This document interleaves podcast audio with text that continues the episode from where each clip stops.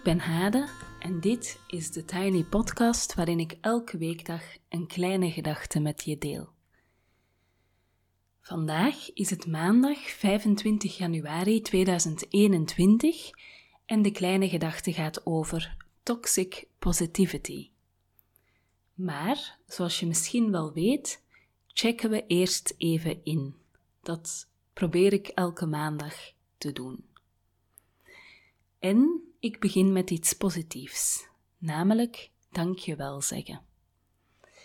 In mijn show notes staat een linkje waarmee je mij op een kopje koffie kan trakteren. En dat is natuurlijk symbolisch. Het is meer dat je dus een kleine bijdrage kan geven aan deze podcast als je er wat aan hebt. En dat kan ik dus weer gebruiken voor koffie of materiaal of af en toe een adviessessie om de podcast beter te maken.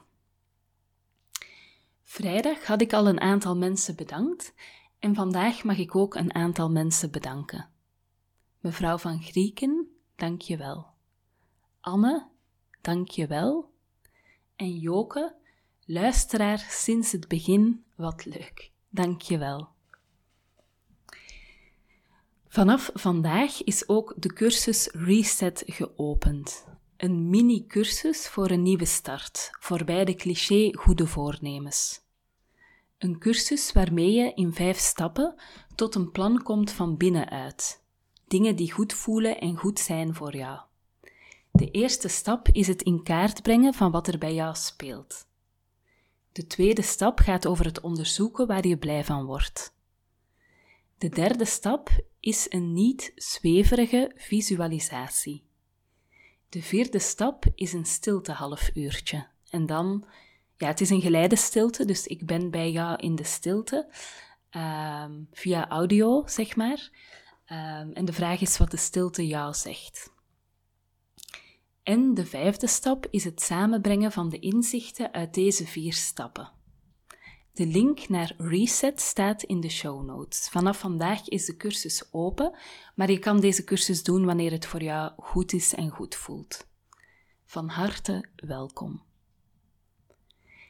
In Reset check je ook elke keer, dus elke stap. Je kan uh, elke dag een stap doen, maar je kan ook elke week een stap doen, zoals het, zoals het voor jou uitkomt. Uh, maar in Reset check je ook elke dag even in bij jezelf, net zoals we dat op maandag in de podcast doen. Elke maandag heb ik hier immers twee incheckvragen voor je. Je kan er even over nadenken, je kan je antwoorden opschrijven. Even inchecken bij jezelf helpt je de vinger aan de pols te houden, inzicht te krijgen, eerlijk te zijn met jezelf. En de vragen voor vandaag zijn hoe gaat het echt met je? En hoe ga jij om met negatieve gevoelens? Dus de eerste vraag is: hoe gaat het echt met je? En de tweede, hoe ga jij om met negatieve gevoelens? Ik ga nu een volle minuut zwijgen, dat is heel moeilijk, zodat je de ruimte hebt om hier even over na te denken. Als je schrijvend wil inchecken, dat raad ik je zeker aan, maar misschien ben je lekker in de badkamer je klaar aan het maken voor de dag, um, of zit je in de auto, of ben je op een andere plek aan het luisteren en ben je niet in de gelegenheid. Dus dan kan je gewoon even tijdens die minuut nadenken. Maar als je dus schrijvend wil inchecken bij jezelf, dan kan je de podcast gewoon even op pauze zetten. En na de minuut stilte check ik even in. Dus dan ga ik zelf antwoord geven op die vragen. En dan ga ik ook iets meer vertellen over toxic, toxic positivity.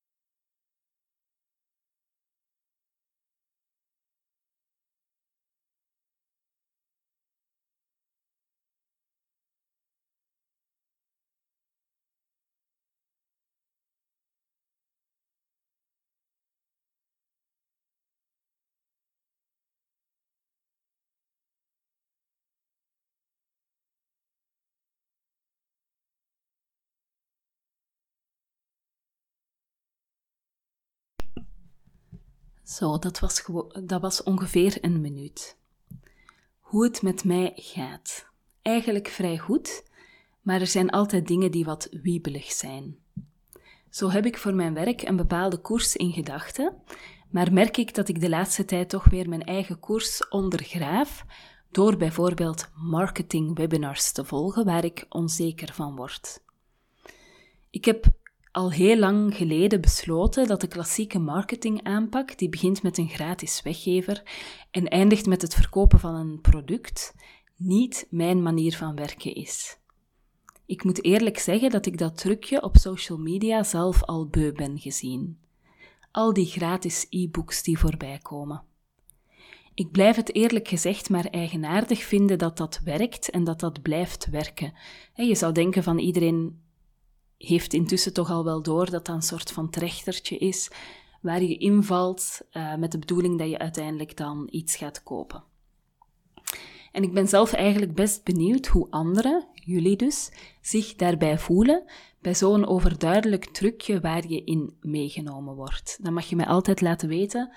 Um, ja, bijvoorbeeld via een reactie op de Instagram-pagina of in een mailtje.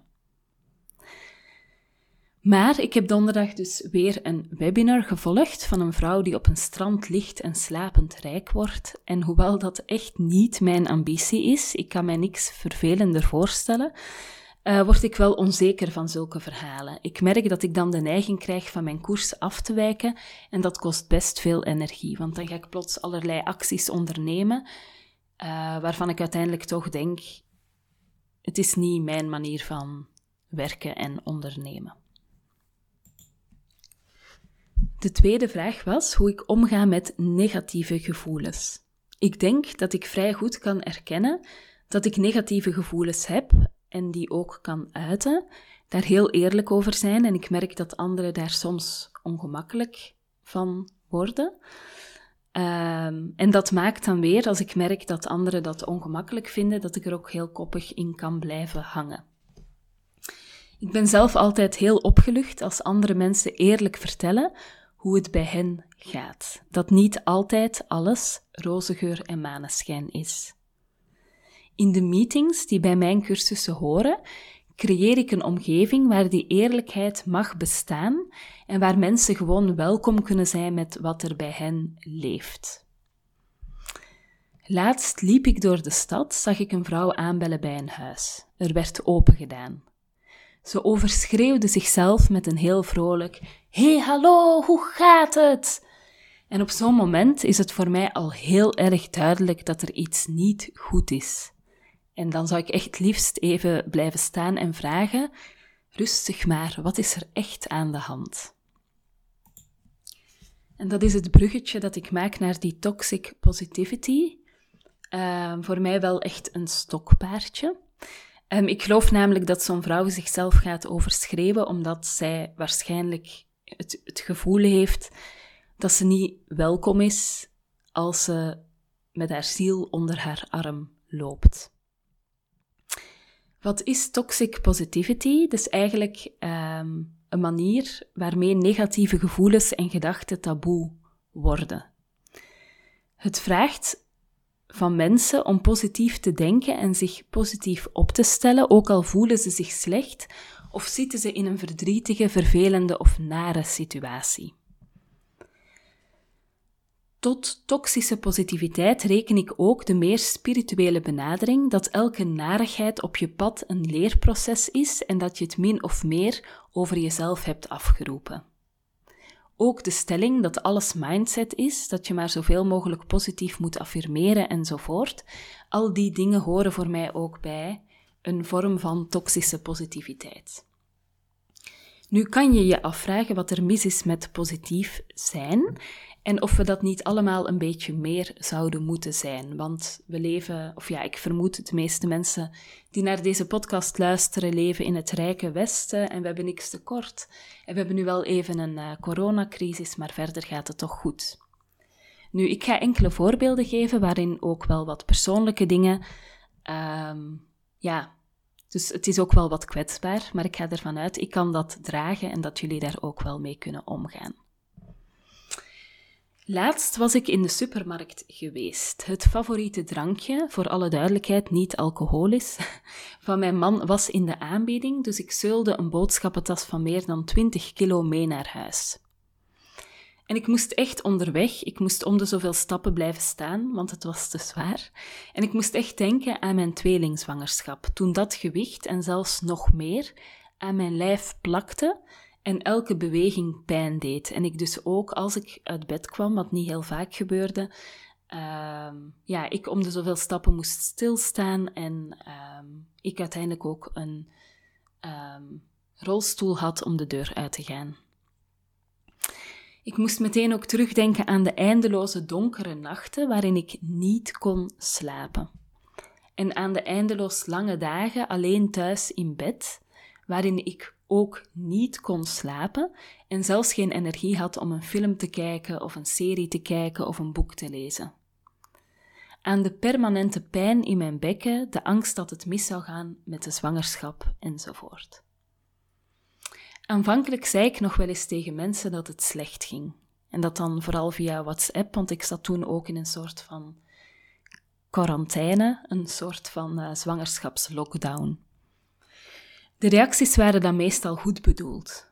mensen zeiden dan: Je hebt die toch zelf gewild. En zoveel mensen kunnen niet zwanger worden en jij krijgt zomaar twee kindjes tegelijkertijd. En het is tijdelijk. En het gaat toch goed met de baby, strek je daaraan op. En zelfs, geniet er maar van, dit is zo bijzonder. Ik stopte uiteindelijk met vertellen hoe het met me ging en verzonk nog dieper in wat duidelijk een zwangerschapsdepressie was, waar ik uiteindelijk voor opgenomen werd en waar na de opname de crisisdienst bijna dagelijks voor mij thuis kwam om te kijken of ik het nog redde. Ik heb weinig herinneringen aan die tijd. Echt maar heel weinig, uh, enkele herinneringen. Bijvoorbeeld een aardige psychiater die op huisbezoek kwam omdat ik dus niet mobiel was. En ik vond het zo'n opluchting dat die man er geen drama van maakte.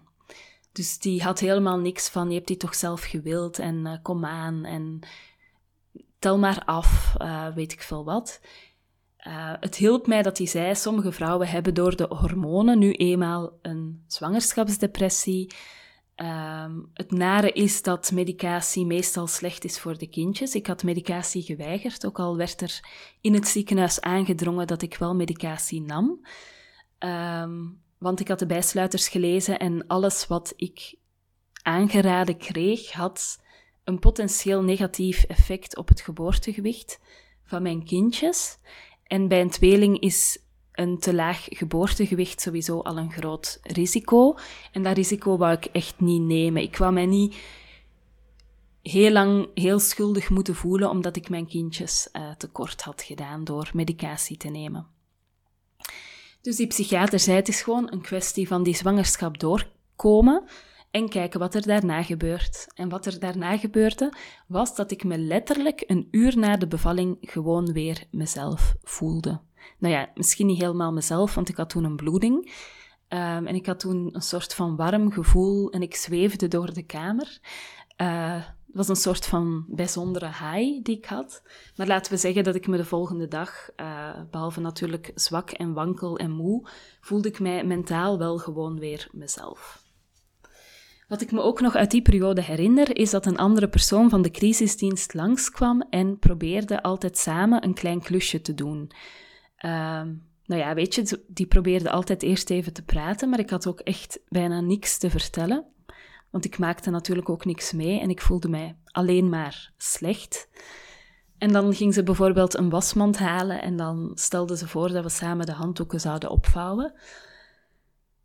Um, ja, en dat was eigenlijk altijd ook wel heel confronterend, dat ik zulke kleine onnozele klusjes, die wel gedaan moesten worden, dat ik dat dus niet eens kon zonder zo iemand van een crisisdienst erbij. En dat was zowel mentaal, zeg maar, dat ik weinig initiatief had op dat moment, maar ook die wasmand gaan halen was voor mij fysiek ook al een soort van, ja, het feit dat ik daar dan mee van de trap moest met die enorme buik was ook al heel complex. Terug naar uh, toxische positiviteit. Zelfs als je iets zelf gewild hebt, hè, bijvoorbeeld een baan, een zwangerschap, een relatie, een klushuis, uh, een verbouwing, een weet ik veel wat, kan het toch zo zijn dat het moeilijk of zwaar is, of dat het helemaal anders is dan je je had voorgesteld. Die reacties die ik kreeg, die ik net even heb verteld, hielpen mij echt niets. Ik voelde mij nooit beter als iemand tegen mij had gezegd: Nou, geniet er maar van, want dit is zo uniek. Ik voelde mij echt alleen maar slechter, onbegrepen en schuldig, omdat ik me met de beste wil van de wereld niet dankbaar of blij kon voelen, ook al vonden andere mensen dat dat duidelijk wel mijn plicht was. Een ander voorbeeld. In mijn vrouwencirkel zitten een aantal ondernemende vrouwen. En het gaat in die cirkel dus regelmatig over ondernemen. Een van hen verzucht dat ze niet snapt dat het allemaal niet gaat stromen. Dus dan bedoelt ze dat haar werk niet, nou ja, dat ze niet voldoende verdient en niet genoeg opdrachten heeft, want ze doet toch alles goed. Ze affirmeert, ze heeft positieve gedachten, ze schrijft een dankbaarheidsdagboek, ze maakt innerlijk contact met haar missie en toch loopt haar bedrijf niet meteen storm. Wat doet ze fout? Ze had die ene cursus toch gevolgd over ondernemen vanuit je missie en ze doet toch alles wat daarin gezegd is.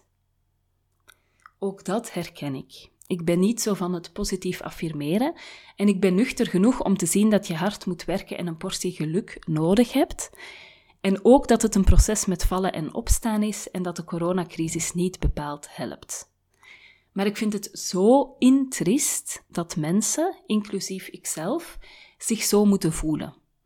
En dat het bijna taboe is om te zeggen dat het verdrietig is dat je zo hard werkt, maar nog niet, niet of niet het gehoopte resultaat behaalt, omdat het dan lijkt alsof je negatief bent en dan trek je natuurlijk negativiteit aan en gaat het nooit lukken. Een laatste voorbeeld um, is bijvoorbeeld, ja, vind ik altijd echt heel naar hoe mensen wel eens reageren op een miskraam. Um, ja, voor de persoon die een miskraam krijgt, is dat toch vaak een groot verlies, ook al was die zwangerschap nog pril. En dan wordt er heel vaak gezegd van wees blij, want er zal wel iets mis geweest zijn met het kindje, er zal wel een foutje geweest zijn waardoor het kindje beter niet verder gegroeid is of zou zijn. En dat kan uiteraard zo zijn. Um, en het kan ook zijn dat je op een bepaald moment als persoon die een verlies heeft ervaren dat zelf denkt. Van misschien was het beter zo, want was er iets niet goed met het kindje.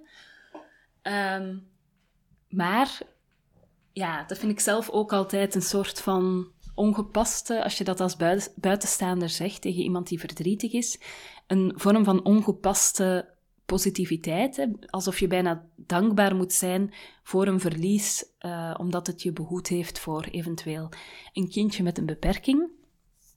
Zelfs als het zo is, dan is het totaal niet aan jou om te zeggen dat iemand zich dankbaar moet voelen of uh, blij moet zijn dat het zo gelopen is. Dat is gewoon nooit. Ja, ik denk dat dat gewoon nooit, uh, nooit op zijn plaats is. Waar ik in geloof is het erkennen van alles wat er is. Alles wat er bij jou is, mag er zijn. Je bent niet schuldig aan het hebben van negatieve gevoelens of ervaringen, aan het niet blij, dankbaar of wat dan ook kunnen zijn. Dat zijn normale dingen die bij het leven horen en hun plek verdienen. Ik geloof dat het niet helpt om van negatieve gevoelens een soort taboe te maken. Het resultaat is dat mensen zich schamen, schuldig voelen, het proberen verbergen en zo nog eenzamer worden. Ik voelde me bijvoorbeeld al een totaal mislukte moeder voor de tweeling, voor ze geboren waren, want ik kon niet eens blij zijn met de zwangerschap. Nou, achteraf gezien, ik had gewoon een hormonale depressie en dat zegt niets over mijn moederschap, alleen heel veel over mijn gevoeligheid voor hormonen. Ik denk dat toxische positiviteit ook bijdraagt aan het nepgevoel van maakbaarheid dat ik hier, dus in de podcast, maar ook in mijn werk, zo vaak bestrijd.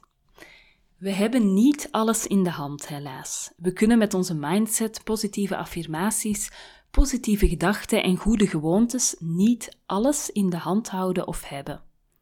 Het leven heeft altijd verrassingen in petto, positieve en negatieve, en daarmee leren leven is heel belangrijk. Het gaat hier om contingentie in het leven. Sommige dingen die met je gebeuren, kunnen wel gebeuren, maar gebeuren niet noodzakelijk. Zoals bijvoorbeeld aangereden worden. Dat is een contingente gebeurtenis. Er is geen reden waarom het jou overkomt, maar ook geen reden waarom het jou niet kan overkomen. En je kan best posttraumatische groei hebben na een aanrijding of een zwaar ongeval, en dat betekent dan dat je anders in het leven staat dan voordien en dat je dat zelf als positief, als groei ervaart. Idem na het verlies van een relatie, kind, zwangerschap, baan of wat dan ook. Maar die posttraumatische groei is niet de reden dat dat met jou gebeurd is. Dat is enkel het gevolg. Dus bij deze nodig ik jullie allemaal van harte uit om alert te zijn op toxische positiviteit. Geef jezelf en anderen toestemming om te voelen wat je voelt, te denken wat je denkt. Bevrijd jezelf van schuld als het niet gaat hoe je wil. Dat ligt echt niet aan je positieve affirmaties of weet ik veel wat, dat is gewoon het leven. En probeer zelf ook ruimte te maken voor gevoelens van anderen zonder oordeel. Dat kan door te erkennen dat wat er gebeurt verdrietig is of zwaar voor degene. Door te zeggen: Wat erg voor je dat je je zo voelt. Of het spijt me dit te horen. Probeer bij het gevoel van jezelf of de anderen te blijven en het niet meteen weg te poetsen of op te, op te willen lossen.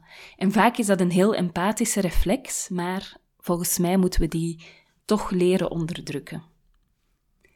Doe aan holding space. Spring niet in het verhaal van een ander met tips, tricks en een anekdote over de buurvrouw die ook kanker heeft en dat overleefd heeft, maar geef de ander echte aandacht en ruimte om zijn of haar verhaal te doen.